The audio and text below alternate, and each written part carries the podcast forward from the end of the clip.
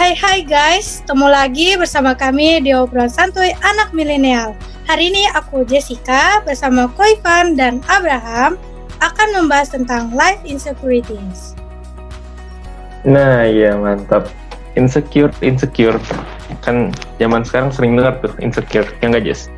Iya, Gimana? Pernah merasa insecure nggak Jess? sejauh ini sih belum. Wih, mantap banget deh. Tapi pasti punya nih temen yang sering insecure gitu kan? Ya banyak banget sih, ada beberapa. Iya gimana tuh? Boleh dijelasin dulu kali. Kasih contohnya gimana kita? Kayak temen aku kan kayak gimana ya? Eh ya, kelebihan badan. Terus kayak ada makan, aduh gimana gitu, kayak gak percaya, gak percaya diri gitu. Terus kalau lihat teman-teman yang kayak kurus langsing gitu, kayak aduh gak gak mau deket-deket. Hmm. Mirip-mirip. Cuma gue, gue juga pernah nih. Cuma beda kasus. Kalau temen aku kayak kan ini ya kalau misalnya ngomongin duit gitu kayak sering kesel gitu marah-marah sendiri nggak ngerti kenapa nggak jelas gitulah iya gimana tuh Pak? Iya sebenarnya eh, insecurity sih tiap orang ada ya. Cuma mungkin satu ya dia nggak sadar kalau dia punya insecuritiesnya sendiri-sendiri begitu ya. Ini ini another point yang kita harus sadari ya.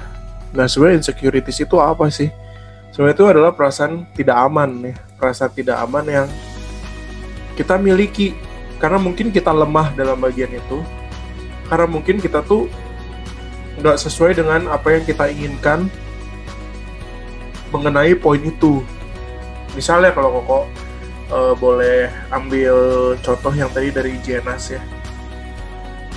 Mungkin temennya Jenas itu insecurity sama berat badannya karena mungkin itu bukan berat badan ideal dia dan makanya kalau diomongin tentang itu suka tersinggung begitu. Dan bahkan bisa menjauh dari orang-orang yang seperti itu. Kenapa? Karena dia insecure begitu sama orang-orang yang punya berat badan ideal begitu. Atau mungkin yang dalam kasusnya temannya Abraham kali ya. Mungkin bisa aja ada eh, ada trauma yang pernah ada. Trauma pernah ada cie. Mungkin ini ada trauma yang pernah ada antara temannya Abraham dengan uang begitu. Bagaimana mungkin dia pernah ada kasus uang yang membuat dia jadi kayak insecure tentang uang atau mungkin dia pernah mengalami hal-hal yang buruk tentang uang.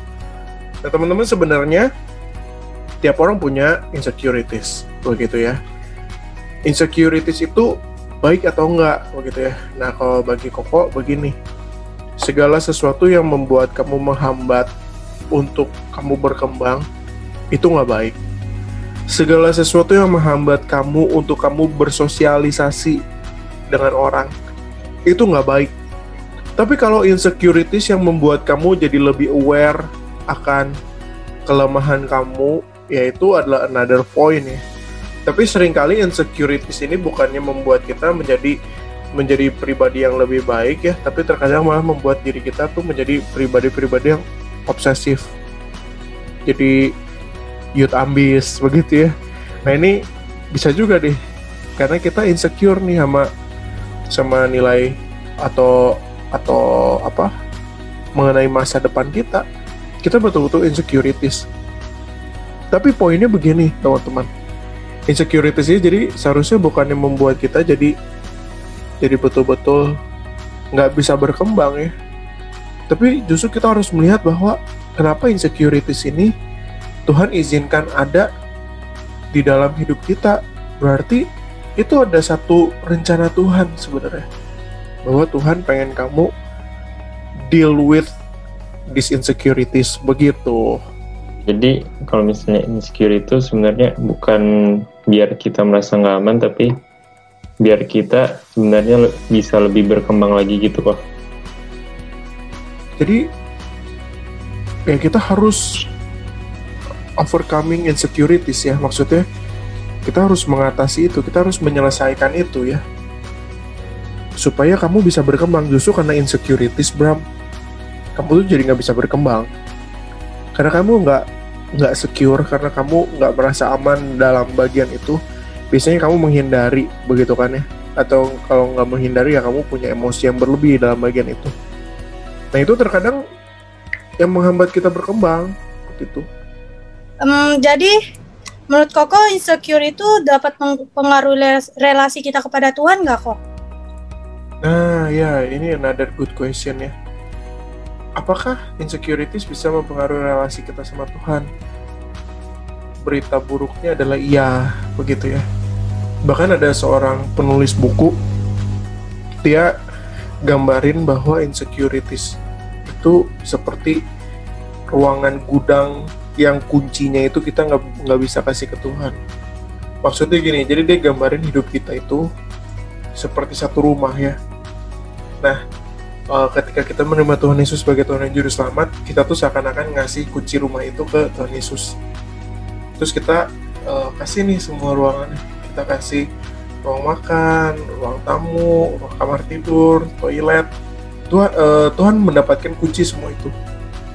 Tapi ada satu kunci yang nggak dikasih, yaitu kunci gudang. Maksudnya apa? Terkadang insecurities itu yang sama ini kita juga tutup-tutupi.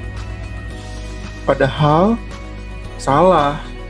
Sesungguhnya Tuhanlah yang bisa menolong kita untuk kita bisa menyelesaikan setiap insecurities kita makanya begini uh, bagaimana cara dia bisa mempengaruhi relasi kita sama Tuhan ketika insecurities itu tetap kita diamkan tetap kita taruh begitu ya. Dan itu akan membusuk makin lama makin lama makin lama makin lama dan pada akhirnya itu akan menghancurkan relasi kita sama Tuhan sebenarnya. Ketika kita nggak mau menyelesaikan itu ibaratnya tuh kayak kayak sampah ya ditaruh di di dalam rumah kita nggak buang. Di situ aja terus terus kita kunci ya itu akan akan berpengaruh juga itu akan damage ke ruangan-ruangan lainnya begitu kan ya? Nah termasuk untuk dalam relasi kita sama Tuhan begitu. Dan di dalam bagian ini makanya kita perlu mohon Tuhan tolong tolong kita untuk apa? Kita harus selesaikan nih insecurities kita kita perlu selesaikan nih rasa nggak aman kita. Jadi gimana caranya? Ya kita membangun rasa aman dalam Tuhan begitu ya sesungguhnya Tuhan terima kamu kok meskipun berat badan kamu nggak ideal gitu ya. Tuhan terima kamu kok meskipun kamu dulu pernah punya trauma-trauma atau konflik-konflik ya yang membuat kamu terluka gitu ya. Bukannya kita jadi merasa aduh nanti gimana nih di depan Tuhan? Terus kita tutup-tutupin ya itu salah ya. Nah, nggak cuma sekedar minta Tuhan menyelesaikan, tapi di dalam hal itu kita juga harus berdamai dengan diri kita, begitu ya. Berdamai bahwa kita ini adalah orang yang nggak sempurna sebenarnya. Nah, insecurities itu kan timbul karena apa yang kita harapkan tidak sesuai dengan kenyataan ya. Makanya kita insecure. Nah, kita harus sadar bahwa kita ini nggak sempurna ya keluarga kamu begitu ya memang uh, ada rencana Tuhan di dalamnya kehidupan kamu begitu ya ada rencana Tuhan di dalamnya ya kita harus belajar melihat dengan mata iman jadinya melihat bahwa Tuhan izinkan itu bukan berarti karena uh, Tuhan sedang mempermainkan hidup kita. Enggak ya. ya tapi kita perlu betul-betul berdamai sama sama keadaan. Begitu. Oke kok, tapi kan untuk berdamai dengan diri sendiri, mempercayai Tuhan kan nggak gampang gitu ya, ya. buat kita langsung memberikan kunci gudang itu. Nah, mungkin gimana sih tips-tips dari Koko gitu? Iya betul ya. Uh, memang semuanya butuh proses tapi juga jangan menjalani proses itu terlalu lama ya. Jadi bukan berarti bahwa dengan alasan ah ya kan berproses terus kita jadi lama-lamain prosesnya ya nggak gitu juga ya ya kalau Tuhan pengen kamu sembuh cepat kenapa kamu pengen sembuhnya lama-lama gitu ya? Nah yang pertama yang teman-teman perlu lakukan adalah begini. Punya kerendahan hati. Kerendahan hati untuk mengakui kelemahan dan insecuritiesnya kamu.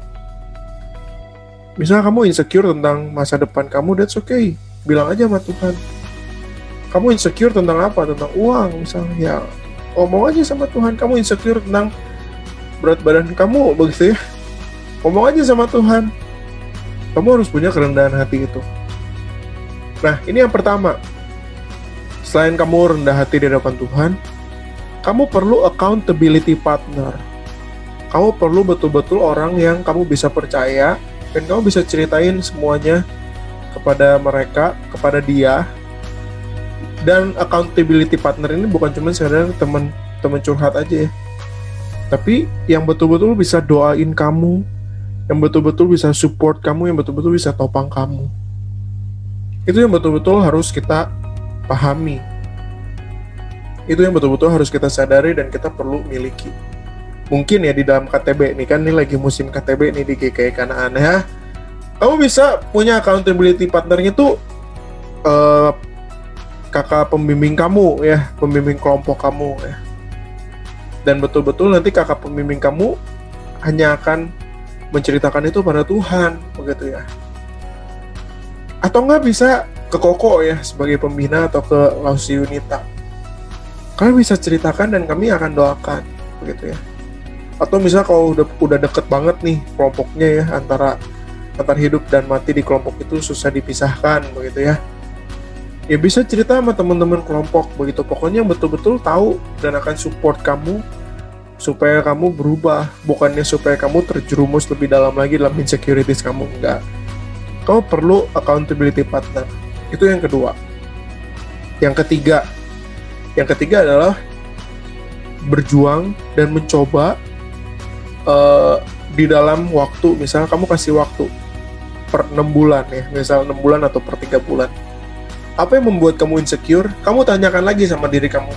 Kalau kamu masih merasa emosi atau tersinggung dengan hal itu, berarti itu masih belum sembuh gitu.